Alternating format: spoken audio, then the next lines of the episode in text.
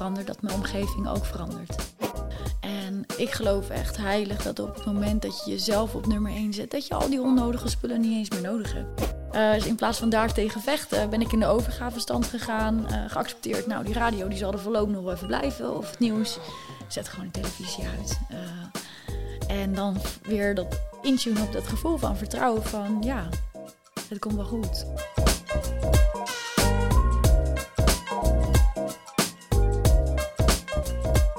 Welkom tot de podcast De Vergeten Groepen, waarin we ons voornamelijk richten op de jongeren en hun ouders met verschillende belangrijke onderdelen van opvoeden en ontwikkelen. Parenting. Dit relateren we dan aan de maatschappij, hoe ze zich heeft ontwikkeld en hoe die zich zal kunnen ontwikkelen en wat wij eraan kunnen doen.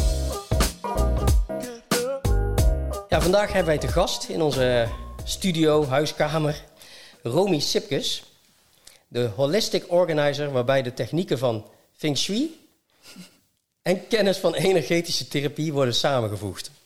Uh, ja, dankjewel ten eerste dat je hier uh, bent gekomen. Uh, je zit nu een beetje te lachen omdat ik al tien keer Feng Shui en nu spring ik het expres verkeerd uit heb uitgesproken en nu ging het redelijk iets beter. maar wij, ja, we hebben elkaar al een tijdje gesproken over alle soorten onderwerpen via LinkedIn natuurlijk ook contact gehad. Ja. toch wel een beetje in het forum waar, ja, waar wel serieus wordt gekeken naar posts en hoe je naar de wereld kan kijken. Um, en ja, uh, het holistische manier van uh, kijken naar de wereld, dat vinden wij iets heel interessants. Mm -hmm. uh, ja, en dat is ook de reden waarom we heel geïnteresseerd waren toen wij met jou in contact kwamen. Ja, ja. dankjewel voor de uitnodiging. Alsjeblieft, alsjeblieft. Ja, eigenlijk, ja, we beginnen altijd eigenlijk meer ja, wie jij eigenlijk bent. We zijn gewoon heel erg benieuwd hoe het is gekomen dat je holistic organizer bent geworden. Dus ja. steek van wal. nou ja, ik ben uh, Romy Sipkes inderdaad, feng shui-adviseur en energetische coach. En ik werk inderdaad aan de hand van uh, de technieken van feng shui. Feng shui? feng shui. Maar feng shui, uh, ik geloof dat iedereen weet wat je dan daarmee bedoelt. Um, en energetische therapie, dus echt met de chakra's.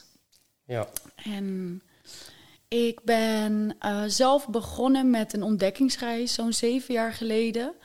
Um, want ik merkte op dat ik niet zo heel erg lekker in mijn vel zat. Um, vast zat in mijn doen en laten. En um, ja, dan ben ik stapje voor stapje ben ik mezelf gaan ontdekken wie ik ben, waar ik voor sta. En uh, nou ja, omdat we natuurlijk ook heel uh, een lange periode in onze woning verblijven, ben ik ook ja, gedetailleerd gaan kijken naar mijn huidige woning. Van nou, hoe kan ik dan um, mijn eigen persoonlijkheid en mijn karaktereigenschappen terugreflecteren in de woning. Zodat ik me extra senang voel bij mezelf. Want daar begint het natuurlijk allemaal mee. En daar is je onder ontdekkingsreis naartoe gegaan? Ja, ja zo'n zeven jaar geleden, zoals ik net al zei. Ja, en wat deed je daarvoor? Voor die, uh, voordat je eigenlijk uh, jezelf hebt ontwikkeld naar iets anders eigenlijk? Uh, ja, ik, ben, ehm, ik heb altijd in een commerciële rol gezeten. Dus accountmanager geweest, eerst bij een makelaarskantoor. En daarna in Den Haag was dat, bij, mijn, bij mijn ex. En daarna ben ik verhuisd naar Haarlem. En toen kreeg ik een baan aangeboden ehm, in Amsterdam als accountmanager bij een recruitmentbedrijf. Ja, dat is cold calling. Ja, cold calling. Ja, dat is ja. echt die opposite van wat ik nu aan het doen ben. Ja. maar um, heb ik wel echt gezien als een hele mooie leerschool. En als ik daarop terugkijk, krijg ik nog steeds een glimlach uh, op mijn gezicht. Um, het heeft mij wel heel erg doen helpen. Uh, nou, het is echt een hele sterke fundering als je een eigen bedrijf wil, uh, wil opzetten. Ja. Cold calling. Cold calling, ja. ja, ja dat moet je wel doorzetten. Hè? ja. ja. Maar op een gegeven moment toen, uh, toen ben je dus uh, jezelf gaan ontwikkelen. Je hebt cursussen gevolgd hiervoor. Ja. ja. Uh, waar heb je die gevolgd? Ik heb een hoogsensitiviteit in mijn kracht um, um, cursus gevolgd. Een feng shui cursus. En ik heb een opleiding aan toegevoegd. Energetische coach bij Zonneveld. En nou, ontzettend veel boeken gelezen om mezelf te ontrafelen. Ja, Zonneveld hoor ik heel vaak terugkomen, zeg maar. Ja. Die, die, die, zijn blijkbaar heel, heel goed daarin. Ja. Ja. Ja, ik en zou uh, ambassadeur kunnen worden. Ja, nou, ik zeg Zonneveld doen. Dat zal benaderd. Ja, fantastisch, ja. Nee, ik heb ook even natuurlijk naar je website gekeken en ook even gekeken van... oké, okay, wie is Romy? Ehm, dan moet ik zeggen dat daar stond wel heel erg goed beschreven hoe, wat, je, die, wie je nu, wat je nu doet en Ja. wie je nu bent. Mhm. Ehm, alleen het verleden, zeg maar. Hoe ben je opgegroeid? In wat voor gezin? Oeh, hoe ben ik opgegroeid? Vertel alleen maar wat je wil vertellen. ja, natuurlijk. nee, tuurlijk. Ik ben Ja. wat dat betreft ehm, vrij open. Ehm, ik kom uit, ik ben half Nederlands en half Indonesisch. Ehm, ik kom uit een gezin van vier. Mijn vader is Nederlands en mijn moeder is eh, Indonesisch. Met een aantal andere, maar dat is oké. een, een mengelmoesje, laten we het even daarop houden. Ehm, en mijn broertje, die is twee jaar jonger. Ehm, ik ben geboren en een getogen mug. Dus dat betekent dat ik echt geboren ben in Haarlem. Ehm, op het moment 33 jaar oud. En ja, de communicatie, communiceren en intimiteit zijn wel echt eh, thema's die, die, die, die missen. Misten. Tijdens je opvoeding. Ja, ja, zeker weten. En hoe zag dat dan eruit als je daar een voorbeeld aan kan geven? Ik kan mij nog heel goed herinneren. En het is nu iets wat bij mij te binnen schiet. Dus blijkbaar hè, kan ik dat echt wel eh, benoemen. Ehm, mijn moeder heeft dat ze het heel fijn vindt om aanwezig te zijn. Dus aanwezig in de ruimte, ehm, aanwezig in de gesprekken. Eh, ze is vrij druk in haar doen en laten. En ehm, ja, als kind zijnde kan je je daar nog wel ehm, overspoeld door worden. Door haar ja, energie, door ehm, ja, haar, ja, letterlijk haar doen en laten. Waardoor op het moment dat je dan wat aan haar vroeg, ze ook niet per se het echt hoorde. Dus als jij wat aangaf dat je ergens mee zat, bijvoorbeeld, dan werd dat niet echt gehoord. Het werd, werd een beetje weggewuifd, hè? niet aanstellen. Kom, kom, het is oké. Dus daarmee heb ik wel geleerd om eh, niet naar mijn eigen gevoel te luisteren. En dit is even een voorbeeld. Ja. Eén voorbeeld, uiteraard. Ehm, nou, laten we een ander voorbeeld noemen. Dat is eh, ook wel een, een- waar heel veel mensen zich in kunnen vinden. Als je jonger bent in, en je zit niet zo heel lekker in je vel en, en je huilt veel en je kan nog niet zo goed benoemen wat er eigenlijk met je aan de hand is, dan gaan kinderen vaak huilen. Wat ehm, de ouders vaak doen is, nou ja, kom maar hier, je, je zal wel moe zijn. Je bent moe, hè? Ja. Dus eigenlijk leg je daarmee iets op bij het kind. Waardoor het kind dan ineens gaat denken: ik zal wel moe zijn. Terwijl je dan een heel ander signaal geeft. Als je als kind zijnde zelf leert om te voelen wat je eigenlijk voelt, kan je zelf tot de conclusie komen dat je wel of niet moe bent. In plaats van ehm, dat het je wordt opgelegd. En ik zie dit wel heel veel bij ja, heel veel verschillende gezinnen. Maar dat was ook wel een onderdeel van mijn eh, kinder, kindertijd. Ja. ja. En toen ben je op een gegeven moment ouder geworden. En toen ging je studeren en toen kreeg je je eerste vriendje. Oh En- ja. Ja.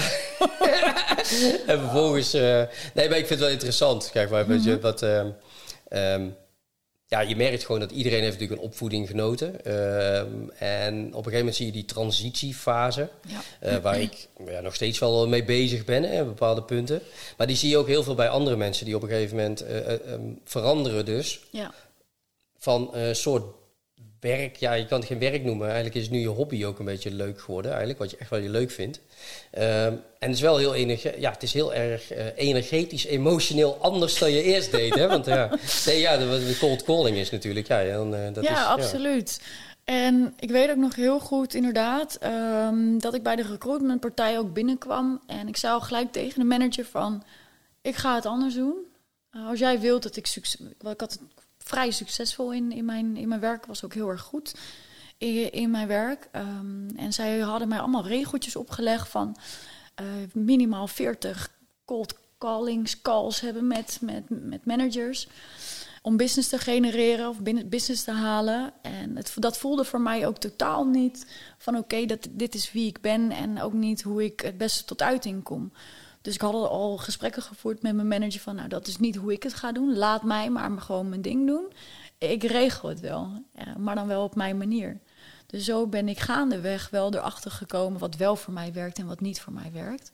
Anders had ik dit niet zo lang kunnen volhouden. ja, een beetje standaardregels die, ze, uh, Oh, die iedereen werden opgelegd. Ja. En eigenlijk eh, Waar niet... je maar aan moet voldoen. Ja. En op het moment dat je daar niet aan voldoet, ja, dan werd je het hokje ingeroepen.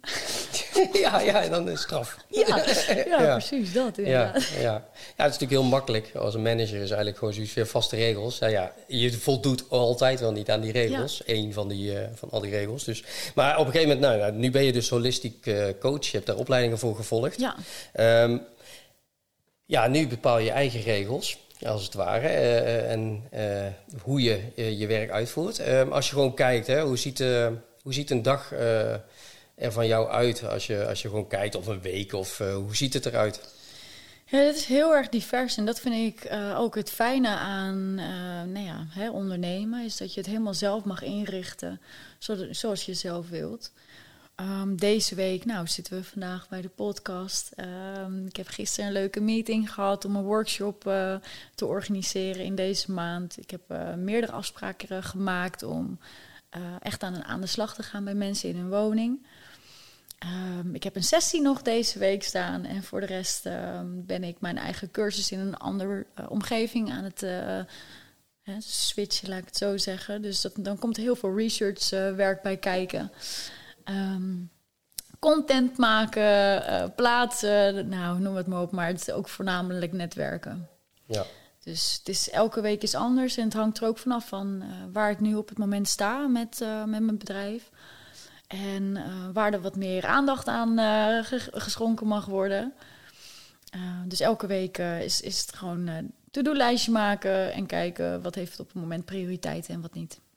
ja want een van de onderdelen die, waar je heel veel mee bezig bent... dat benoemde je net ook al, hè, met, het, met het inrichten van iemands huis. Maar Ja. ehm, ook ehm, gerelateerd aan hoe iemands huis is ingericht... als je daar voor de eerste keer komt bijvoorbeeld.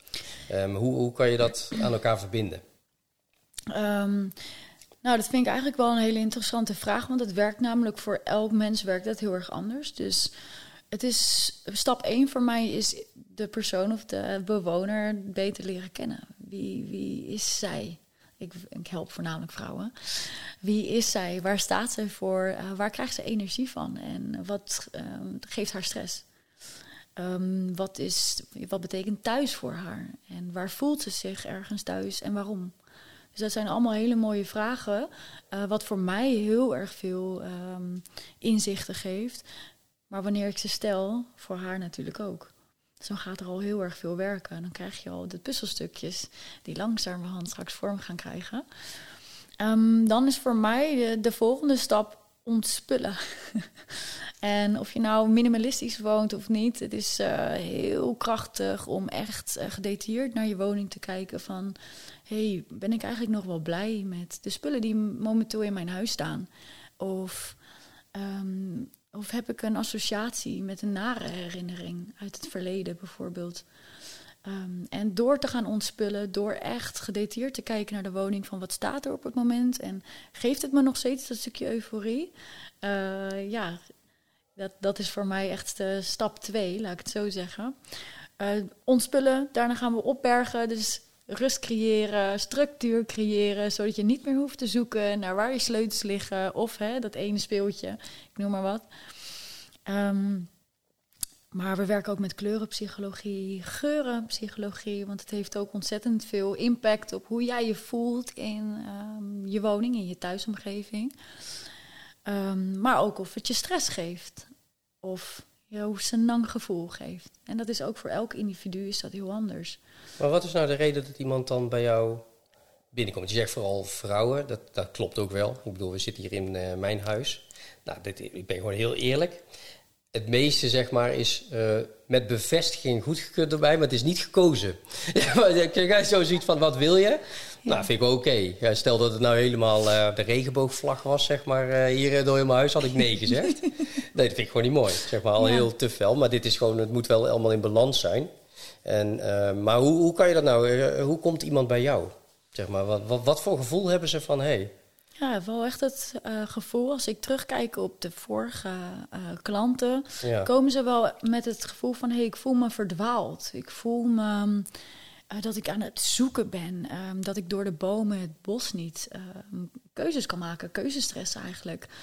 Ehm, en dat is voor mij ook heel erg logisch, want ja, we worden, nou ja, bijna, ik wil niet zeggen doodgegooid, maar eh, er, is, er zijn zo ontzettend veel opties en keuzes. En nou ja, als je zelf ook nog zoekende bent en wie jij bent en waar je voor staat en wat voor kleuren bij jou passen als persoon, hoe kan je dan een keuze maken in, hè, in, in al die opties? Ja, ik snap het. Ja, dus eigenlijk ligt de, ligt de achtergrond veel dieper. Absoluut. Ja, het is thuisgevoel, maar um, ik vind het super fijn om, om mensen of vrouwen daarbij te helpen met het creëren van een thuisgevoel. Maar dat begint bij hunzelf. Als ze zich niet thuis voelen in een omgeving, voelen ze zich ook vaak thuis niet bij zichzelf. En hoe reflecteert dat? Want je krijgt ook vrouwen met kinderen. Neem, ga ik even vanuit. Ja, ja, ja, absoluut. Hebben, ja. hebben wel eens kinderen. Niet allemaal. Nee, allemaal. Maar stel, er komt een vrouw met, een, hè, die heeft kinderen. Um, maar kinderen voelen dat natuurlijk ook thuis. Hè? Als, als er rommel is of het is niet in balans. Ja. Die staan helemaal open. Ja. En hoe kijken ze daarnaar? Hebben ze daar wel eens over? Of is het vooral van, hé, hey, hoe kan ik het nou goed indelen? Um, ik zet vaak de vrouwen, en uh, zet vaak de vrouwen op nummer één. Uh, dat is dus mijn doel, om de vrouwen in te laten zien dat ze zichzelf op nummer één mogen zetten. En um, de klanten waar ik veel mee werk, die hebben kinderen. En die hebben een man en die hebben een carrière. Ja. Die uh, willen ook nog graag sporten, er nog goed uitzien. hebben ook nog een privéleven, wat super logisch is, want ja, ik, kan me daar ook wel heel erg in herkennen. Maar die zijn gaandeweg ook um, ja, zichzelf, aan zichzelf voorbij gegaan. Doordat ze eerst hè, uh, voor manlief zorgden. Uiteraard andersom, idem dito. Um, daarna kwamen de kinderen. En zo stapelt het beetje bij beetje op. Terwijl ze, uh, voor mijn gevoel, laat ik het zo zeggen... Um, steeds verder verwijderd raken van wie ze eigenlijk zijn. En wanneer de kern al een beetje onstabiel is, wordt dat natuurlijk later in een bepaalde periode in een leeftijd alleen maar meer zichtbaar. Waardoor ze zich verdwaald gaan voelen. Maar naar de kern, hè? want je, om uh, even iets dieper te gaan. Mensen komen bij jou binnen, die, hebben dus, die voelen dat ze niet in balans zijn. Ja. Um, waar komt dat vaak vandaan bij, bij de vrouw? Is dat vanuit een achtergrond of gewoon uh, van, of wat ze nu meemaken? Of hoe kan ik dat het beste zien? Hm. Je moet wel voorzichtig zijn met wat je deelt. Dat kan ik begrijpen. Dus dat is wel ook een lastige vraag eigenlijk. Hè. Laten we even naar jou zelf dan. Zeg maar, jij hebt je op een gegeven moment ontwikkeld. Ja. Um, je hebt voor de, uh, als ik daar mag, naar, naar mag mm -hmm. verwijzen, heb je verteld dat je wel een beetje een giftige relatie had. Ja. Uh, met een narcist, als het ware. Oh, je mag hem wel zo noemen hoor. Ja, ja, ja, ja ik, ik ken hem niet. Maar um, oké, okay, dat heeft jou op een gegeven moment, uh, dat ontwikkeltraject, dat komt ook daar, uh, vanuit je jeugd komt dat, wat, alles wat je meemaakt. Ja, absoluut. Ja, als je dan naar die kern kijkt. Nou, dat is inderdaad een, een hele mooie stap. Um, om daar inderdaad verder naar te kijken. Ik heb inderdaad um, zo'n acht jaar lange narcistische relatie gekregen, of gehad ik zie dat anders gekregen, zodat ik les uit kon halen. Um, maar ik heb daar zelf voor gekozen. Ik heb het. Uh, ik heb er ontzettend veel van geleerd. Um, zou ik uh, er nog een keer voor kiezen? Nou, alsjeblieft niet. Maar ja, het heeft mij wel gebracht waar ik vandaag de dag ben. En dat vind ik uh, uiteraard super mooi. Maar ik ben daardoor, door dat ontwikkelingsproces, dat ik echt naar mezelf ben gaan kijken van oké, okay, hey, ik voel dat ik niet in balans ben met mezelf. Ik voelde dat ik heel erg verwijderd was van mezelf. Um, ik kon eigenlijk niet zo goed voelen. Ik voelde dat ik verwijderd was van mezelf, maar ik voelde verder eigenlijk geen eu euforie. Ik voelde geen intens verdriet. Tuurlijk huilde ik wel, maar ik voelde het niet. En um, daardoor ben ik beetje bij beetje gaan nou ja, opschrijven um, van wat voel ik dan wel. Nou, ik voel me vlak, ik voel me onverschillig, ik voel, nou, ik denk dat dat het eigenlijk wel was, een leegte. Ja. Een innerlijke leegte. En um, nou, beetje bij beetje, hier zijn jaren overheen gegaan hoor, ben ik dat, dat stuk dus echt verder gaan, erin gaan duiken. Van waar komt die leegte dan vandaan? Nou, ik, uh, ik had heel graag mijn ex hiervoor de schuld willen geven, maar uh, dat was dus niet, uh, niet het geval. Het heeft het versterkt, het heeft het heel erg veel, het heeft het leegte, zeg maar, mijn leegtegevoel heeft het naar, naar water, naar bovenaan het water heeft het laten drijven. Ja. Zodat het zichtbaar werd. Ehm, maar het was niet de kern. Ehm, dus ik ben dieper gegaan van hé, hey, hoe komt het nou dat ik die leegte zo, zo heb ervaren? En uh, ik ben er wel achter gekomen dat het vanuit mijn jeugd was. Dus ongeacht dat ik de meest fijne jeugd heb gehad. Met de meest liefdevolle ouders. Die het op hun manier echt alles hebben gegeven wat, uh, wat erin zat. Alleen ik weet ook dat zij uh, ook ouders hebben gehad die uit de oorlog kwamen. En nou ja, we weten allemaal dat, uh, dat trauma's doorgegeven worden uh, naar kinderen en hun kleinkinderen. Nou, en daar zit Romy dan. Transgenerationeel doorgeven. Ja. Precies. En ja. uh, wanneer je dat voor jezelf niet inziet en niet, niet eraan gaat werken, dan zal je dat voor de rest van je leven mee blijven dragen. En zal je het gevoel van leegte en van verdwaaldheid wellicht uh, blijven voelen. Of um, dat kan natuurlijk ook dat je, dat je op zoek gaat naar. Uh, om de leegte op te vullen. Dus vluggen. Ja. Heb je dat allemaal gehad? Allemaal. Ja. Ben je ook boos geweest op je ouders even? Heb je ook even een tijd gehad van, joh, zoek het even lekker uit? Oh. Ja, ik kan begrijpen dat je even een periode daarvan hebt. Dat je denkt van, joh, het, is, het, het komt wel daar vandaan, dus eventjes niet, zeg maar. Um, ik geloof dat ik die boosheid nog steeds wel uh, kan voelen. En ik zeg kan voelen, want ik voel eigenlijk meer verdriet dan dat ik die boosheid voel. Um, en dat is natuurlijk ook wel een onderwerp waar, uh, of in ieder geval een thema waar, waar wat licht, wat meer uh, aan gewerkt kan worden voor mezelf. Om echt die boosheid te uiten. Um, maar ja, zeker weten. Alleen zij kunnen er ook niks aan doen. En ik wil niet mijn vingers wijzen naar ja, naar, een, naar, naar een ander. Het is wel mooi dat je dat zegt, want je laat ze ook echt, ja, ik wou zeggen, je laat ze heel, maar dat is helemaal niet waar. Eigenlijk geef je ze uh, een troon, zonder dat je daar, uh, je zegt van joh, je hebt uh, hartstikke mooie, lieve ouders, alleen ze hebben het op een bepaalde manier gedaan, zoals, zodat wat eigenlijk aan hun weer doorgegeven is. Precies. En, ja, ik heb natuurlijk ook een beetje verteld over mijn, mijn ouders. Ja. En daar zie je ook bepaalde dingen, wat gewoon vroeger heel normaal was. Exact um, dat, ja. En zij hebben dat ook weer aangeleerd. Alleen er zijn natuurlijk wel grenzen in bepaald gedrag. En mm. ik mhm. denk dat je dat wel gewoon kan beoordelen en daar ook uh, vooral over kan hebben. En als dat niet lukt, ja, dan wordt het lastig. Maar ja. alleen ik merk bij jou dat dat gewoon wel heel goed is gegaan. Of heb je het er wel eens over met ze over gehad? Of? Uh, nee, nee. En het komt eigenlijk... Uh, ja, tuurlijk heb ik wel bepaalde onderwerpen aangekaart. Alleen... Uh, mijn vader zit echt in een uh, depressie en oh. uh, alcoholist en ook vluggedrag. Okay, ja. En ik heb er wel uh, over nagedacht om dit, dit soort onderwerpen echt te gaan bespreken. Alleen wanneer je niet gehoord wordt, of in die zin zie je jou daarin dus niet mee kunnen levelen, omdat je zelf eigenlijk heel erg ver verwijderd bent van jezelf, um, heb ik het gevoel gehad uh, dat dit voor mij nu niet aan de orde is. Um, dat kan, ik zeg nooit nooit, uh, dat kan in een later stadium uiteraard altijd nog op tafel komen en dan wellicht wanneer ik er wat meer klaar voor ben. Alleen voor mij is het uh, nu heel erg belangrijk om mezelf op nummer 1 te zetten. En um, die, dat, die leegte op te vullen met zelfliefde.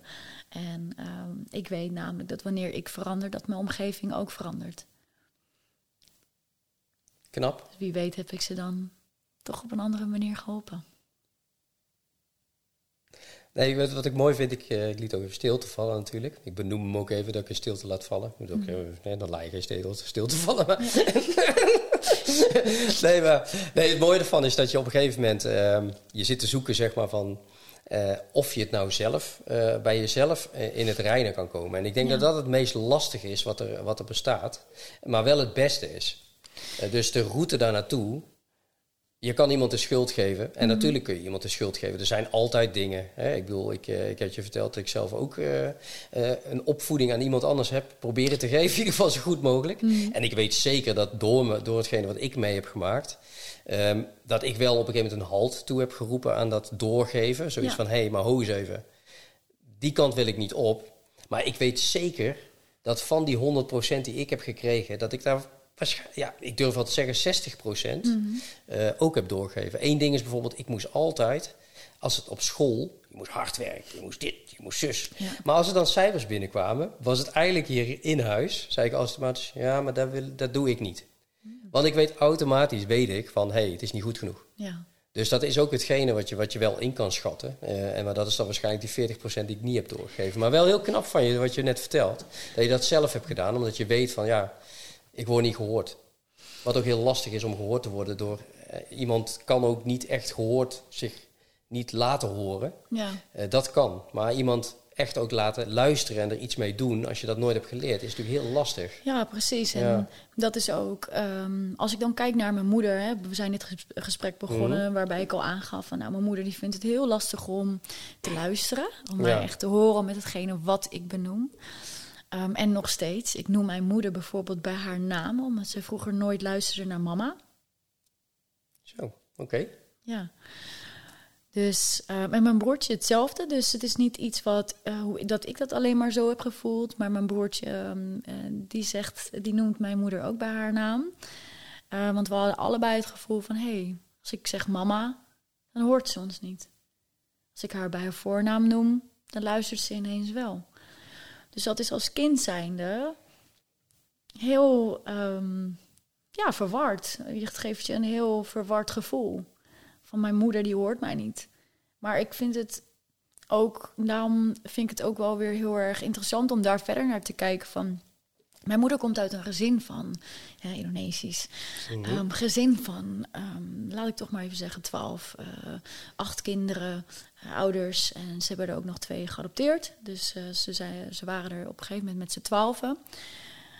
Er zijn ook wel ontzettend veel lichaampjes om te knuffelen. Er zijn ontzettend veel mondjes om te voeden. Um, nou, ontzettend veel gevoelens die er mogen ja. zijn. En ik begrijp mijn moeder volledig dat ze ontzettend heeft lopen boksen. Ontzettend haar best heeft gedaan om gezien te worden in een gezin van twaalf. Ik begrijp dat volledig. Zij heeft ook nooit het gevoel gehad dat ze werd gehoord of gezien. En wellicht werd dat niet, was dat niet het geval. Uh, want mijn opa en oma deden ook knijter hun best voor de kinderen. Um, maar ja, er zijn er ook wel heel erg veel.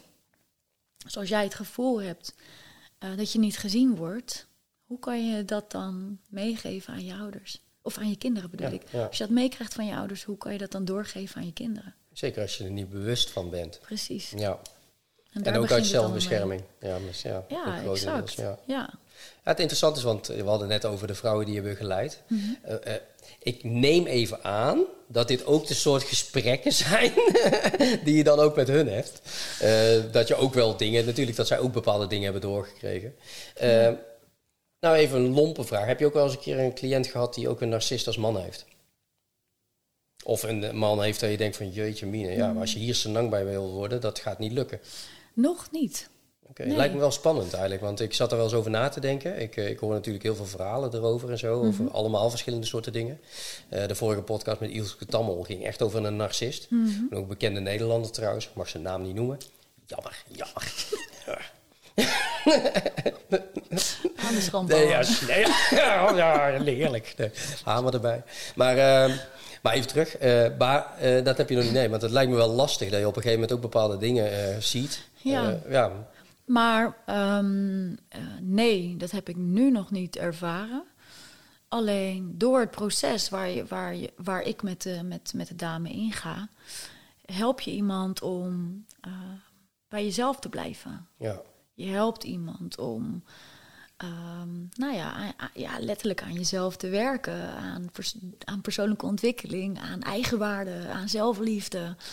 Um, ze gaan het op een gegeven moment zelf al inzien. Want ik ben niet degene die, uh, die ze dat moet gaan vertellen.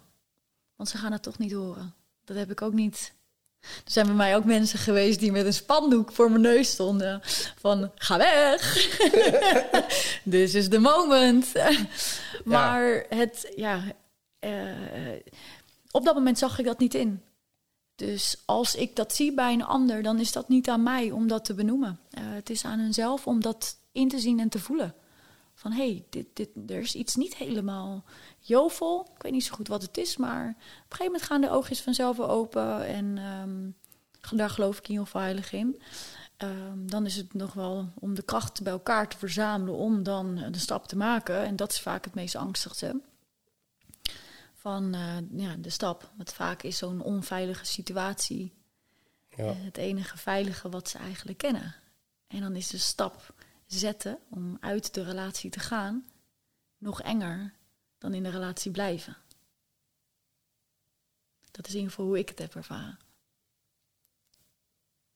Ik denk dat heel veel mensen dat zo ervaren. Eh, ik denk dat heel veel mensen dat eh, in, niet alleen maar in relaties, maar ook eh, de werkrelatie. Zo van ja, hier heb ik tenminste, weet ik wat ik heb. Ook al ben ik niet gelukkig, maar ik doe maar gewoon mijn ding. Ja, Ja, het leven, het leven ja, en is eigenlijk eh, is een hele makkelijke term om eh, wat heel veel mensen zeggen. Ja, pluk alles uit het leven. ja, En vervolgens worden de dingen geaccepteerd in het algemeen, waar je denkt van ja, is dat dan hetgene waar je nou echt gel- gelukkig van wordt of wat je wil? patronen. Eh, ja. Nee, maar dat is ook het, het, het stomme. Want, want ik, ik, zie hier bijvoorbeeld het woord narcist. Wij zitten te praten en we hebben het hier over narcisme. ja, En dat is wel echt een van de onderwerpen die eh, eigenlijk, ja, die heb ik al zo vaak zien langskomen. Dat op de een of andere manier is narcisme, ehm, Mhm. het wordt vaak ontkend. eh, dat narcisme bestaat, doordat je het meemaakt. Eh, maar narcisme is ook heel moeilijk te erkennen of te, te ontdekken. Dat, dat, dat duurt wel een tijdje. En sterker nog, zoals ergens anders iemand zei, van, ja, maar het wordt ook wel heel snel gezegd dat iemand een narcist is. Ik denk dat we allemaal narcistische trekjes hebben. Is dat ligt heel dicht bij egoïsme. Maar daar Ja. zit wel echt een heel groot verschil tussen echt narcisme. Dat is eh, ongelooflijk. Ja. ja, daar kan ik wel over meepraten. ja, dat je op een gegeven moment, ja, dat, eh, dat, ja, het ligt allemaal aan jou. Oh. Ja, nou absoluut. En dat gaat stapje voor stapje. Het gaat echt beetje bij beetje. Ik was zelf 19 dat ik mijn eh, ex leerde kennen. Dus dan zit je sowieso in een fase van ontdekken wie ben jij. Ehm, en als je dan ook nog een giftig persoon dan tegenkomt en eh, dat, dat gaat dan, dat smelt dan ineens samen. Was hij ouder? Iets ouder, ja. Iets maar, oké.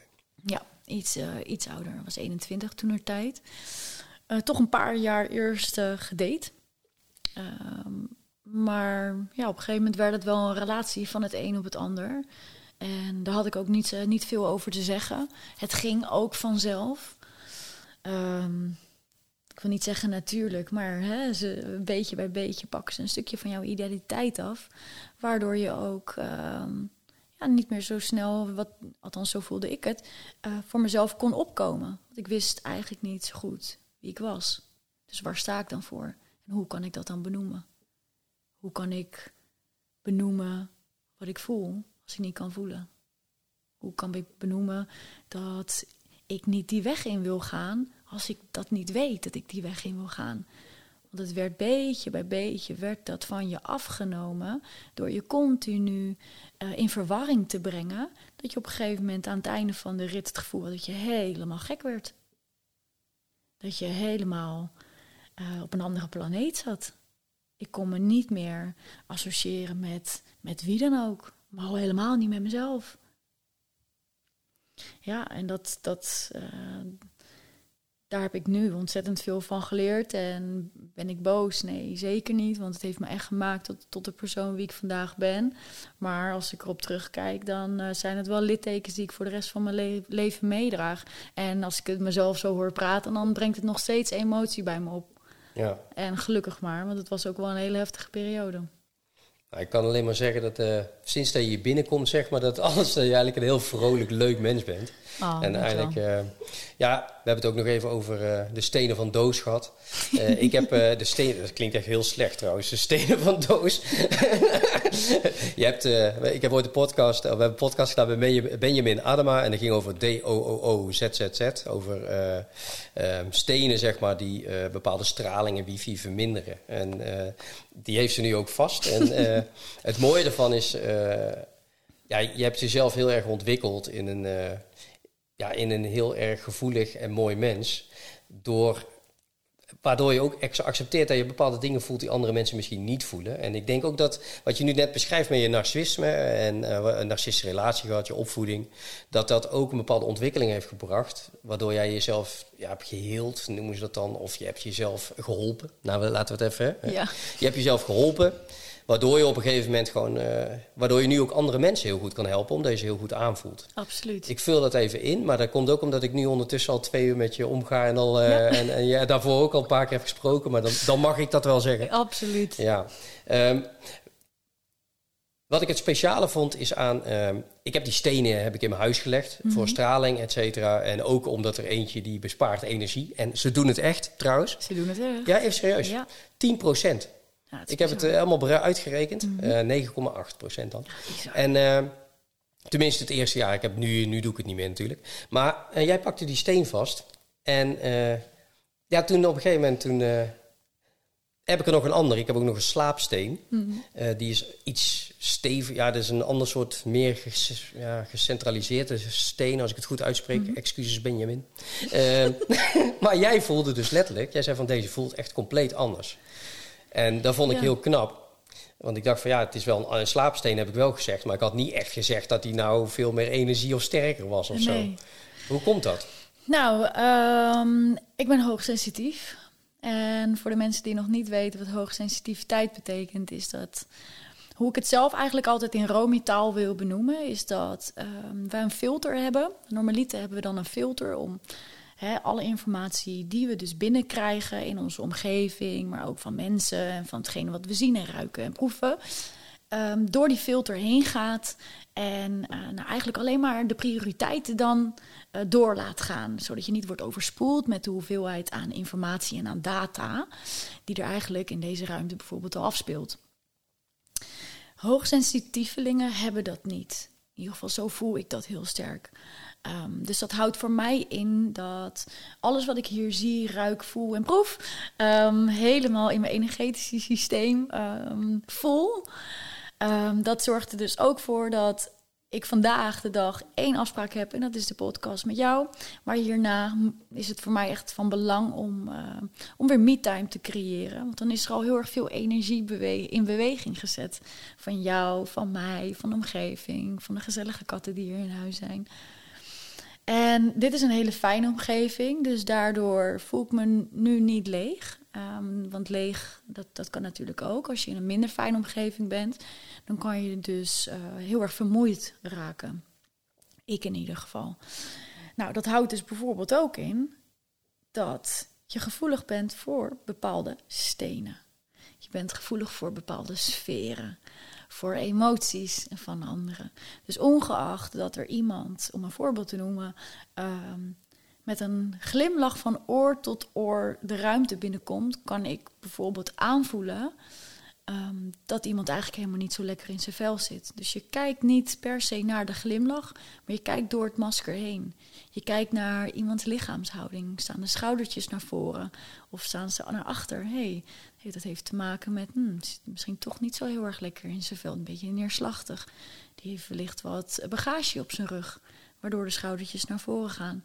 Nou, zo kan ik aan een persoon zien en vooral voelen hoe diegene zich voelt. En gelukkig heb ik me daarvoor weten af te sluiten dat als ik naar een supermarkt ga, dat ik niet van iedereen alles mee naar huis neem. En heb ik wel echt mijn bepaalde methodes. Uh, wat voor mij heel erg fijn werkt. Maar dat zorgt er dus ook voor dat ik deze steen heel goed kan aanvoelen. Ja, dat is wel en, duidelijk. ja, en dat Ja. ik dus ook echt voel dat ik heel... ehm, ik word heel zen van deze steen. En ik voel het echt bij mijn hartgebied dat het hier heel veel meer ruimte geeft. Ik kan ook beter ademhalen. Hm, Dus alsof mijn longen wat meer openstaan. En het is een heel fijn, aangenaam gevoel wat, wat hier zich afspeelt. Heb je die wel eens eerder bij een andere steen gevoeld? Niet op deze manier, nee. En dan mag je deze steen hebben. Jij! Ja, Echt al. ja tuurlijk. Nou, wat lief. Ja, alsjeblieft. Ik moet ook zeggen, hij wou ook niet meer. eh, hij plakte net aan mijn hand. Toen dacht ik, oh, volgens mij zijn wij vriendjes geworden. hij wil ook hier niet blijven. Nee, nee, nee, nee, klopt. Nee. Ja, het is net een kat. weet je wel. Als, je- als je ergens anders beter te eten krijgt, dan anders gaat hij ook weg. Die steen ook.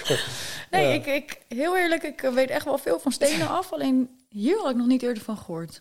Ja, het is, het- ik vond het ook een heel mooi verhaal. Omdat eh, het ging eigenlijk over straling. En eh, Ja. dat hij en ook zijn vrouw, En wie is hij? eh, eh, Benjamin, Benjamin. Dus die die steen heeft gemaakt. Die heeft eigenlijk die steen die heeft hij ontworpen Mhm. voor zijn vrouw. Die had op een gegeven moment zoveel last van de straling in Amsterdam, van al die mobiele torens. Oh ja. Dat, ehm, ja, dat wordt allemaal nege- genegeerd. Ook al is er heel veel wetenschappelijke eh, bewijs. Zoals ik al had verteld, ik heb gewoon heel Haarlem het hele schema van alle torens heb ik eh, gekregen van de gemeente. Dus die mag je opvragen. Maar daar was ik gewoon geïnteresseerd in. Zo, van hoeveel staan er nou eigenlijk? En, Ja. ja, ze waren na doordringen en een beetje doorduwen, gaven ze me alles. Eh, maar hij heeft dus deze steen ontworpen om ehm, die straling te absorberen. Daarnaast heeft hij ervoor gezorgd dat die mobiele toren gedraaid werd. Ehm, ja, kijk, we zitten nu in een tijd dat heel veel, dat als broodjes aap verhalen worden weggepoetst en eh, je moet allemaal hetzelfde vinden. Ehm, maar ik vond het zo'n mooi verhaal dat hij, ten eerste werd ik er wel een beetje ja, emotioneel van. Ja, Want ik vond het een heel mooi verhaal. het is een heel mooi verhaal. Jouw vrouw heeft ergens last van, Ja. dus ik ga er iets aan doen. En omdat hij, ja, zo zie ik hem, heel intelligent is in sommige dingen. eh, ja, hij is schrijver en hij schrijft ook echt bepaalde boeken. Dat, ja, daar moet je maar een keertje naar kijken. Maar alleen ehm, heeft hij zoiets eh, ontworpen. Ja, en daar, dat, dat, dit is het resultaat ervan, zeg maar. Dus eh, ik Ja, merk het alleen, eh, wat ik zei aan, aan, aan, aan, mijn katten. Ehm, Heel dat die veel beter slapen. Ja, Ja. ik ga hem straks opzoeken. Ja, het is echt wel heel erg interessant om daar ook naar te kijken. En daarom vind ik het fijn dat je dit, dit onderwerp benoemt. Ehm, want wat we niet zien, betekent niet dat het er niet is. En dat de stralingen er zijn. Ja, we zien het, niet iedereen ziet het, dat er stralingen zijn. Maar door dit soort methodes, door zo'n steen in huis te halen, want we weten wel allemaal dat het is. Ik geloof dat iedereen wifi heeft. Eh, ja, ja, ja, Hè? ja, zeker. Ja, maar En, ja. als je wat meer houdt van, van, van hè, meten is weten. Er zijn er ook genoeg van die meetapparaatjes die kunnen meten eh, hoe hoog de straling is in, in jouw omgeving. Ja. In je huis, in je woonkamer, maar ook bijvoorbeeld in je slaapkamer. En je kan er echt nog van schrikken hoeveel effect dat dus op je heeft. Wat de impact is van de stralingen. Als je daar dus niet zo'n steen Ja, het bewustzijn van de mens komt altijd later dan, eh, dan... We lopen altijd iets achter gemiddeld. Niet iedereen, maar Nee. gemiddeld wel. Ja, ik, eh, net zoals dat mobiele, eh, je mobiele telefoon... Mhm. leg hem anderhalf meter bij je hoofd vandaan. Terwijl ik denk van, ja, ik zet hem altijd uit. Maar dat is gewoon omdat ik denk van... Maar dat komt ook door mijn leeftijd. Ja, Ik denk dat, je dat je... Kijk, als je nu tien bent... dan is jouw telefoon is jouw aanwezigheid. Dus die ligt bij jou, dus die zet je niet uit. Terwijl voor mij is het gewoon zoiets van... Ja, weet je wel, die mobiel heb ik niet altijd nodig. Dus als ze me echt willen bereiken, dan komen ze heus wel. precies. En ja, dus dat is denk ik ook een, eh, een verschillende ingang. Nou, absoluut. En eh, daarom vind ik het ook zo mooi dat je dat eh, überhaupt benoemt. Want het zegt namelijk ook over, wat over jou. En ja, behoorlijk, ja. ja, ja. en ik geloof dat iedereen zich tegenwoordig identificeert met dat zwarte ding. Terwijl er is nog zoveel meer moois op de wereld. Ja. Ja. Je, ja, dat stomme schermpje waar je 24-7 op zit. Als je dat stomme ding eens een keer wegdoet en echt kijkt. En ziet wat de wereld allemaal voor moois te bieden heeft. En het zit hem echt in de kleinste dingen. En de bewustwording die komt wel telkens sneller. Je ziet dat nu wel en dat vind ik wel fijn Ja. om te zien. Ja, daar, daar ben ik het zeker mee eens. En daarom geloof ik ook echt heilig. Ehm, en dat is dan ook wel weer het bruggetje naar wat ik eh, net heb eh, benoemd met, eh, met mijn ouders. Dat zodra je jezelf op nummer één zet, zodra je aan persoonlijke ontwikkeling doet, hè, die reis maakt. Wie ben ik, waar sta ik voor? Nou, noem het maar op. Ehm, dan ga je zelf groeien. Je groeit als persoon. En je straalt dat uit. Jij zegt net ook van, hey, je komt hier binnen en ik zie dat je straalt en ik zie dat je positief bent. Maar het komt ook wel omdat ik echt mijn schaduwkant heb aangekeken. Je, ik voel ook eh, eh, emoties en eh, wanneer je daar achter staat, ze voelt, ze uit, deelt, nou noem maar op, ja, dan kom je steeds een stukje dichter bij jezelf. Dat is in ieder geval hoe ik het ervaar. Ja. En dan is het allemaal niet meer zo erg dat je even een traantje laat in het bijzijn van een ander. Want ja, ik geloof dat we het leven hebben uitgekozen, ik in ieder geval, om als mens eh, op aarde, niet als koala, eh, door het leven te gaan. En ja, mensen hebben emoties. Dus ehm, Nou, ik denk het belangrijkste wat je nu ook benoemt, en dat is ook een beetje gerelateerd aan de kinderen. Want ik denk, als jij het beste wil doorgeven aan je kinderen, Ja, voor de toekomst, als je natuurlijk kinderen wil, dat lijkt me Ja. logisch. Maar ook in het algemeen, dan zul je toch eh, tijd moeten besteden aan jezelf en aan je emoties. Als je dat niet doet, dan Ja. wordt het lastig. Nou ja, ik geloof ook heel erg dat als jij ehm, geen, althans als je niet aan jezelf werkt, creëer je ook geen sterke fundering. Dus dat betekent dat je dat dan ook doorgeeft aan je kinderen. Wanneer je aan jezelf werkt, hè, je emoties laat uiten, dan weet je dat als een kindje huilt, dat je niet gaat zeggen: Jij zal wel moe zijn, hè? Dit is vaker tegen jou gezegd, hè? Hier komt een klein, eh, klein frustratiemomentje Ja, naar boven. ja, tegen mij werd vroeger altijd gezegd van ja, Stijn is altijd een beetje rustig en dit en dat. oh, maar Continu. dat is eigenlijk toch Dus daar- hetzelfde? Daar krijg je op een gegeven moment een idee van. Ja, ik zal ik- rustig ik- zijn. ja, ik ben rustig en ik moet, of ik moet juist meer praten, of ik moet iets, zeg maar. Dus, eh, maar het is allemaal niet slecht bedoeld, maar het is wel iets wat je natuurlijk dan denkt. eh, Het is een andere manier van kijken, maar ook vragen. En daardoor ook leren dat het kindje bij zichzelf kan voelen. En, en nagaan van, oh, hoe voel ik me eigenlijk? Ben ik eigenlijk wel moe? Nee, ik heb honger. Ja. ja, ja, het mooie ervan is, alles wat je nu tot nu toe hebt verteld, dat kan je natuurlijk, gebruik jij ook bij de mensen die bij jou komen. ja, absoluut. Eh, en waarschijnlijk zullen ze af en toe ook wel in de war zijn op het moment dat ze niet voelen. Dan denk ik van, oh, ja, ik voel me nu, oh, daar moet ik iets mee. Ja, daar Ja. kan ik iets mee. Mhm. En dat schrikt waarschijnlijk ook soms af, maar ik denk wel dat het echt nodig is. En dat voelen, want ja, wat, wat anders. Wat anders. Nou ja, al- als je er niet aan gaat werken, kan je net zo goed je kop in het zand steken. Jezelf eh roze verven Of en iemand de aangeven. Ja, precies. Ja, is makkelijk. En ja, daar bereik je helemaal niks mee. Want vroeg of laat komt die bal toch weer boven water. En wellicht komt hij dan harder boven water dan eh, wanneer je het stap voor stap doet of geleidelijk. En dat is wel een voorstander. Hoe, eh, hoe ik in ieder geval in het leven sta is... eh, ik geloof niet in een magic pill. eh, die ineens babam al je Nee. zorgen oplost. En gelukkig maar, want anders was iedereen eh, vandaag de dag al klaar met het leven. Nou ja, dan? Is het, dan is het een ander soort pil. Ja, Ja. Precies. en nu, ehm, ja, ik Ja. vind het echt ontzettend mooi de- om, om elke keer een laagje van jezelf af te pellen. Van, oh, wow, oké, dit is echt aangeleerd. Dit is eigenlijk helemaal niet wie ik ben.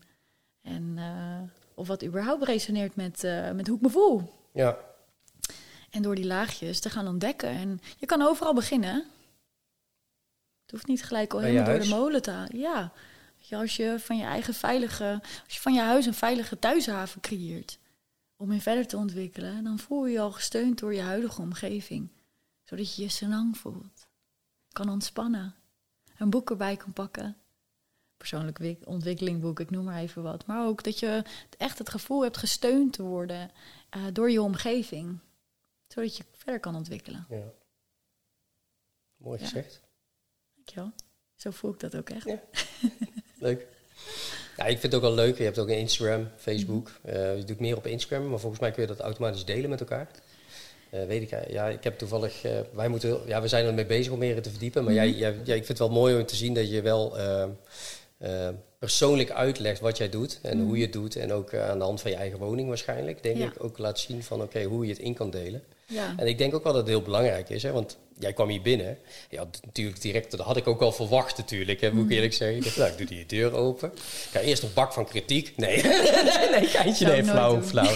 Nee, nee, nee, maar je had wel kunnen, nee, maar kijk, je had wel wat aanwijzingen, maar eigenlijk eh, vond je het eigenlijk wel een heel mooi lang huis. En, ja. Ja, maar dat is ook Ja. eh, voelbaar. En eh, nou ja, ik zie hier verschillende soorten planten, wat ook al een sfeer creëren. Ik zie ehm, oude meubels, hè, of in ieder geval een oude look hebben. Dus dat, dat zegt voor mij ook al iets over jou. Oude lul. Nee, nee, flauw, heel flauw. Nee, nee. Nee, nou ja, ik Nee, ik snap wel wat je bedoelt. Authentiek, het is karakter. In plaats van, ja, Nou, we hebben, ja. Ja. er is ook wel goed over nagedacht, zeg maar. Ik hou, dit, dit was bijvoorbeeld eh, echt eh, een must, hierboven, het dakraam. ja, meer lichtinval. Ja, ik hou van licht in het huis en eh, open. Ja, en je ziet ook heel veel ronde vormen, wat ook wel weer echt zorgt hè, dat, Ja. dat de sfeergevoel kan stromen door de omgeving, dus door, door de woonruimte. Houten vloer, dat zegt ook al echt wat, hè, warmte. Maar ik zie ook heel veel contrasterende items, zoals je trap die je eh, goud hebt ge- geverfd. En dat vind ik dus ook wel weer heel erg mooi. En dat is dan het balans vinden in natuurlijke materialen en ja, hè, dat kitschy, als ik dat zo mag noemen. Ja. Ja, dat vind ik geweldig. Dat zegt Heel echt wat over jullie. ja. Ja, dat vind ik superleuk.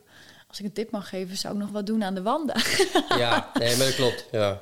Eh, maar dat is alles. Maar wat? Ja, dat, eh, dat zaten we dus ook aan te denken. Maar dat is wel, eh, dat is wel interessant. Ja. Ja, wellicht een behangetje, eh, een gedeelte of een kleurtje wat fijn, fijn voelt voor jullie. Ja. Of wellicht gewoon mooi wanddecoratie, kunst. Ik hou bijvoorbeeld zelf van kunst. Dat heb ik dus ook mooi meegekregen van mijn ouders. Die hebben vroeger een kunstuitleen gehad in Haarlem. En uh, daar is denk ik ook wel mijn fascinatie uh, ontstaan voor. Hier op de hoek? En de gedempte Oude Gracht. Okay. Kunst uit Leen in Haarlem. Ja. ja ik ken het niet maken. Stichting. Ik ben geen echte mug. Oh, oh nee. Als je straks in de gedempte oude gracht Brabander. Ja. nou, als je de gedempte oude gracht bent, dan, dan zie je daar aan de rechterzijde de grote kunst uit Leen. Uh, dat is opgericht door mijn oma. En daar was ik echt al als mini-mensje, was ik daar aan het rondrennen, terwijl mijn ouders daar allebei aan het werken waren. En daar heb ik wel echt een fascinatie gecreëerd, echt een passie voor, voor kunst, maar ook echt voor, ja, het is eigenlijk authenticiteit is het. Het is liefde tonen op een hele creatieve manier, op een doek of op een, ja. in, een vorm van een beeld. En ja, ik heb echt niet uh, met alles wat, uiteraard, en gelukkig maar, want anders van het heel mijn huis vol. Uh, maar daardoor weet ik wel wat ik wel heel erg uh, ja, waardeer. En mijn huis staat dus ook wel echt vol met kunst, kunstwerken. Waar ik dan me fijn bij voel, omdat ik daar dan ook een associatie mee heb naar ja. het verleden. Wat voor mij op dat moment een positieve associatie was in plaats van een negatieve. Dus zo voel, word ik eigenlijk continu herinnerd aan hele mooie, mooie momenten. Ik zie me, als ik dan naar het schilderij kijk, dan zie ik mezelf weer rennen als klein meisje samen met mijn broertje door de wandelgangen. en uh, dat vind ik gewoon een heel fijn gevoel, want het is ook een onderdeel van, uh, van mijn leven geweest. En nou ja, om je zo te omringen uh, met allemaal waardevolle items en, en mooie herinneringen, ja, kan je je echt gesteund voelen. liefdevol. Ja, nou, ik hoop ook degene die dit uh, dadelijk uh, luistert, dat ze dan ook denken van, oh ja, verrek. Ja. Want heel veel mensen die wonen gewoon en denken er eigenlijk weinig over na. Nou, absoluut. En als je, je eigenlijk niet zo heel erg lekker in je vel uh, zit of voelt, dan um, ja, kan je wel eens wat uitspattingen hebben. Dat je wellicht wat spullen gaat kopen. Hè. Eh, ik voel me niet zo lekker, wat ga ik doen? Nou, misschien wat kleding kopen, zodat ik weer heel eventjes op zoek ga naar dat euforisch gevoel. Um, wat heel gauw weer weg hebt. En dan kopen ze weer. Nou ja, hè, je hoort het al. Op een gegeven moment staat de woning heel erg vol met een vol huis. Uh, een kledingkast van hier met een Tokio. Veel spulletjes, tierenlantijntjes. Maar eigenlijk nog steeds een heel leeg gevoel. En dat vind ik dus heel interessant om naar te kijken van hoe kunnen we uh, de woning meer aansluiten op je gevoel en je gevoel weer aansluiten op je woning. Ja. Uh, dat het weer liefdevol is en uh, senang en sereniteit is in plaats van in de vluchtgedrag en spullen kopen. En emoties ont, ontlopen. Ja, ja precies. Ja, ik vind wel, kijk, we hebben altijd een één klein kopje doen we eigenlijk altijd over de maatschappij. Mhm. we, we, hebben al, uh, ja, we hebben een, allebei wel een beetje dezelfde soort mening erover. dus dat, dat, laten we daar die, die kant niet opgaan. Maar uh, het is wel zo dat wat ik wel vooral merk is, je ziet de technologie. Je ziet eigenlijk uh, meer de bekoring met materie. Mhm. En dat staat eigenlijk ook wel een beetje dat jij holistisch... jij bent eigenlijk wel een goed voorbeeld ervan eigenlijk, om eerlijk te zijn. Dat je van commercie naar uh, holistisch uh, organizer bent gegaan. Ja, zeker. Waardoor je dus veel meer naar je gevoel gaat kijken. En ik denk dat iedereen in de maatschappij dat dat wel heel belangrijk is. Ja, nou ja, je zet door echt gedetailleerd naar de woning te kijken, leer je natuurlijk ook heel veel. Je leert ontzettend veel over jezelf. En je leert jezelf ook op nummer 1 zetten in plaats van in spullen. Ja. De spullen op nummer 1 te zetten. En ik geloof echt heilig dat op het moment dat je jezelf op nummer 1 zet, dat je al die onnodige spullen niet eens meer nodig hebt. En dat vind ik het mooie. Van ja, waar zit nou echt de waarde? Zit de waarde echt in spullen? Zit in, in, in de tierenlantijs. Kijk, ik ben ontzettend blij met mijn bed, hè? Bijvoorbeeld. En ontzettend blij met een bank. Ehm, waar ik echt van kan genieten. Ehm, en voor mijn gevoel ook wel noodzakelijk. Maar ja, die tierenlantijntjes voor mijn gevoel is, is, zijn, is niet nodig. Het, het, kopen om het kopen. Het kopen om ergens van weg te vluchten. En ik vind het dan zelf heel interessant om, om daar die, dieper op in te gaan van... Ehm, maar waar vlucht je dan van weg? En hoe kunnen we dat dan hè, de ruimte geven zodat het weg ebt? Dan ga je ook zien dat je veel minder spullen koopt. En eigenlijk veel meer de waarde in ziet uh, in spullen die je eigenlijk al hebt. Mensen gaan ineens ontspullen. Die trekken alles uit de kast en denken, hè, wat heb, wat heb ik nou voor een rotzooi allemaal bij elkaar verzameld in de laatste paar jaren? Ik heb hier eigenlijk nog nooit naar gekeken. Omdat ze altijd extern bezig zijn. Wanneer je jezelf, of in ieder geval je woning in dit geval op nummer 1 zet, zet je jezelf op nummer 1. En dan ga je ineens gedetailleerd kijken. Dan kom je tot de meest bijzondere inzichten. Dus stiekem boodschap is van ga eens naar je innerlijk kijken in plaats van continu maar. Ja. En als iedereen daaraan gaat werken. Absoluut. Ja, dan uh, de poppetjes aan dansen, geloof ik. Eh, bij de mensen die dat niet willen, die, uh, die poppetjes, die denk ik dat die inderdaad niet meer zullen dansen. Nee. Ja, nee, en inderdaad. ik denk dat dat wel aan de gang is. Zeker ik merk het aan alles, zeg maar. Merk Alle mensen om me heen. Ik word er soms helemaal zelf ook gallisch van. Als ik dan bij alles weer denk, hmm, wat voel ik daarbij? Daarachter? ja, dat is ook, eh, het lijkt me ook wel soms wel... Ik, ik ben ook mensen verloren in al die tijd, Ja. zeg maar. Omdat, ja. ja, Stijn beweegt zich ineens anders. En ook irritant, zeg maar. Dan kan ik Ja. ook begrijpen dat zij dat irritant kunnen vinden. Hè? Nou, dat heeft natuurlijk ook wel wat te maken met de patronen hè, waar iedereen Ja. in leeft. En jij bent ook een patroon. Jullie relatie is een patroon. En wanneer jij ineens anders beweegt dan dat je hoort te bewegen, ja, dan is dat angstaanjagend. En dan gaat dat irritatie opwekken. En denk je, Stijn, jij moet in het patroon blijven. Dus dan voel je eerst nog heel veel weerstand. En, eh, Behoorlijk, ja. ja, en het is echt lastig om die banden dan door te knippen, hoe ik het zelf eh, zie.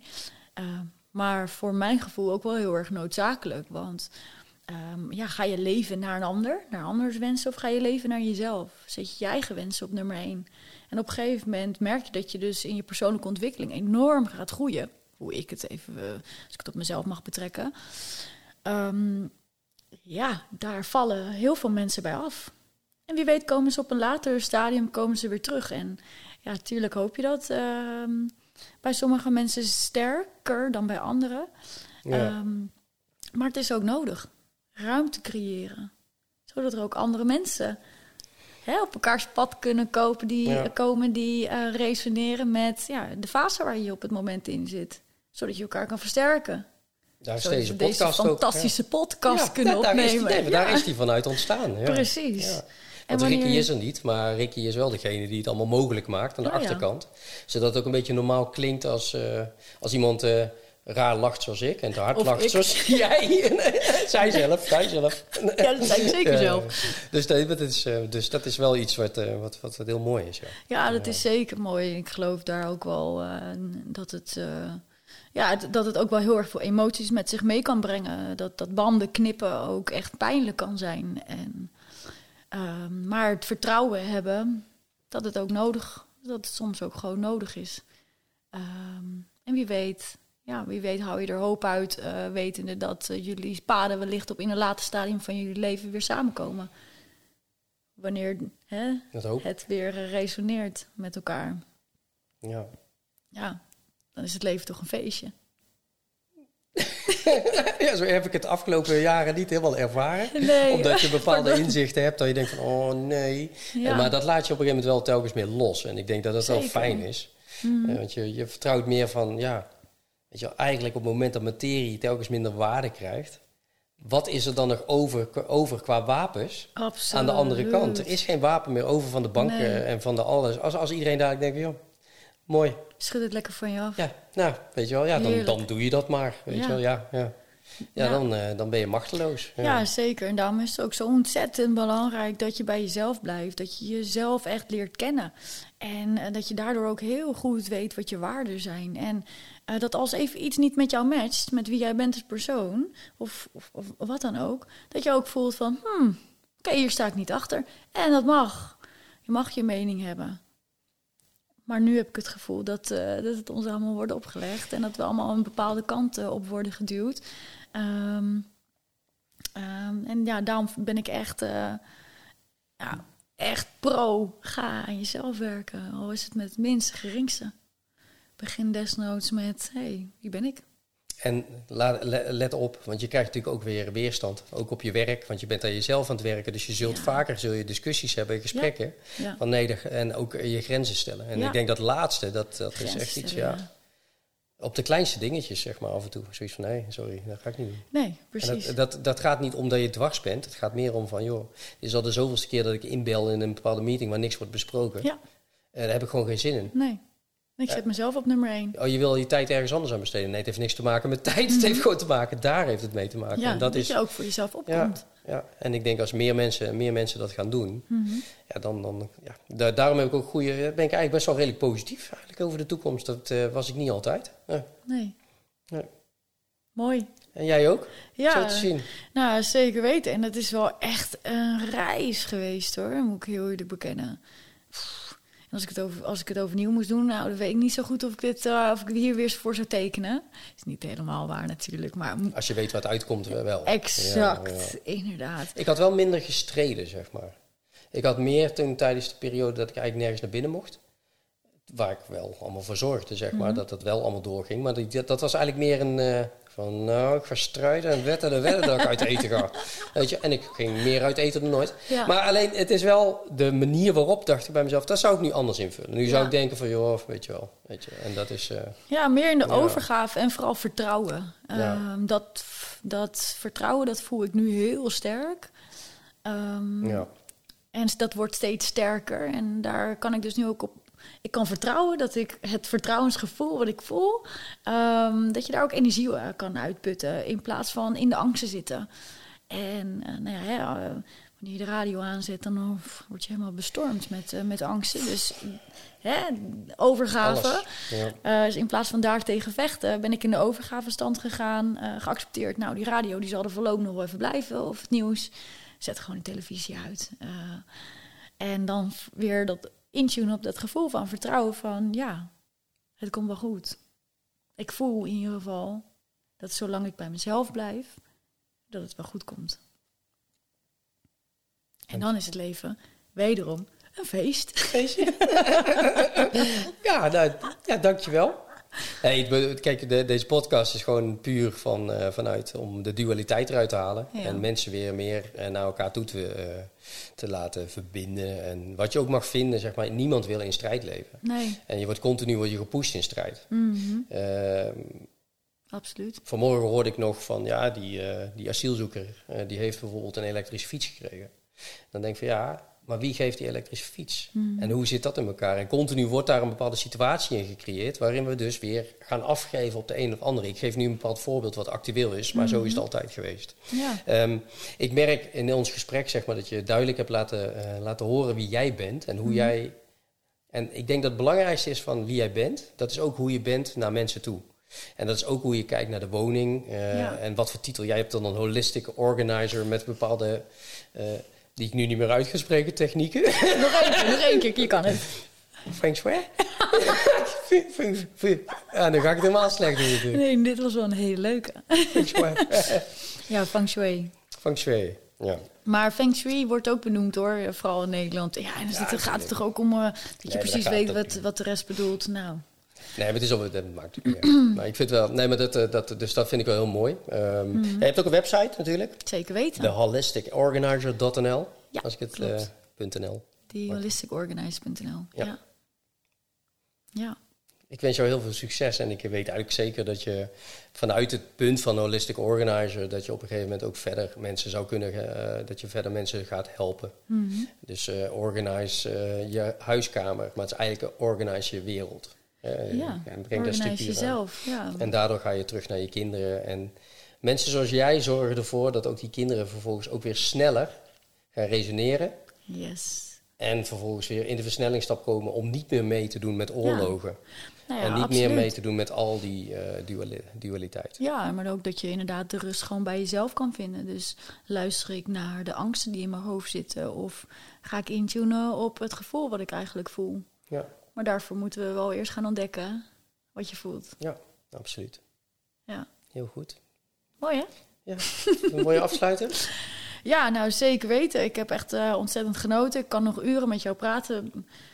Dat wist ik natuurlijk twee uur geleden ook al, want we zitten hier al een tijdje. Maar eh, Ik vond het wel grappig dat tijdens de podcast eigenlijk... In het begin was het meer zoiets van... Oh, moeten we nou op dezelfde voet doorgaan of moeten we nu Ja. eventjes... Dat is wel grappig en eigenlijk na tien minuten was het oké. Ja. Helemaal goed. nee, Leuk. ik vind het eh, Ja. heel leuk. Ik, ik zit hier heerlijk in deze fijne omgeving. Je hebt echt een Mooi. fijn huis. Het zegt, zegt veel over jou. En ook over eh En ook over je vriendin. Ja, zeker Ja, weten. Dus zeker. credits aan het. Ja, zou ik tegen je zeggen. En ehm, ja. ik wil je bedanken voor, voor de uitnodiging. En Jij ook bedankt. succes. Want dat gaat ook helemaal goed komen met jouw Absoluut. missie. Ik hoop het. Oké, dankjewel. Dankjewel. En je kan ons natuurlijk ook volgen via Facebook, Instagram. En we zijn ook bezig met een website. Ja, natuurlijk gaat dat altijd weer iets langzamer dan je denkt. Maar hij komt eraan. Hij komt eraan. En uh, ja, dat zullen we dan wel informeren. We proberen meer actief te zijn op social media. Ja, ik ben er zelf niet zo van. Uh, maar hoe meer tijd er aan besteedt, hoe, hoe leuker het eigenlijk wordt. Ook al word ik helemaal gek van die algoritmes. En het feit als ik ooit een keer praat over een Mercedes... of over een, over, over een boom dan weet ik zeker dat ik de komende drie weken die boom of die Mercedes zie. Maar goed, oké dan. Fijne dag.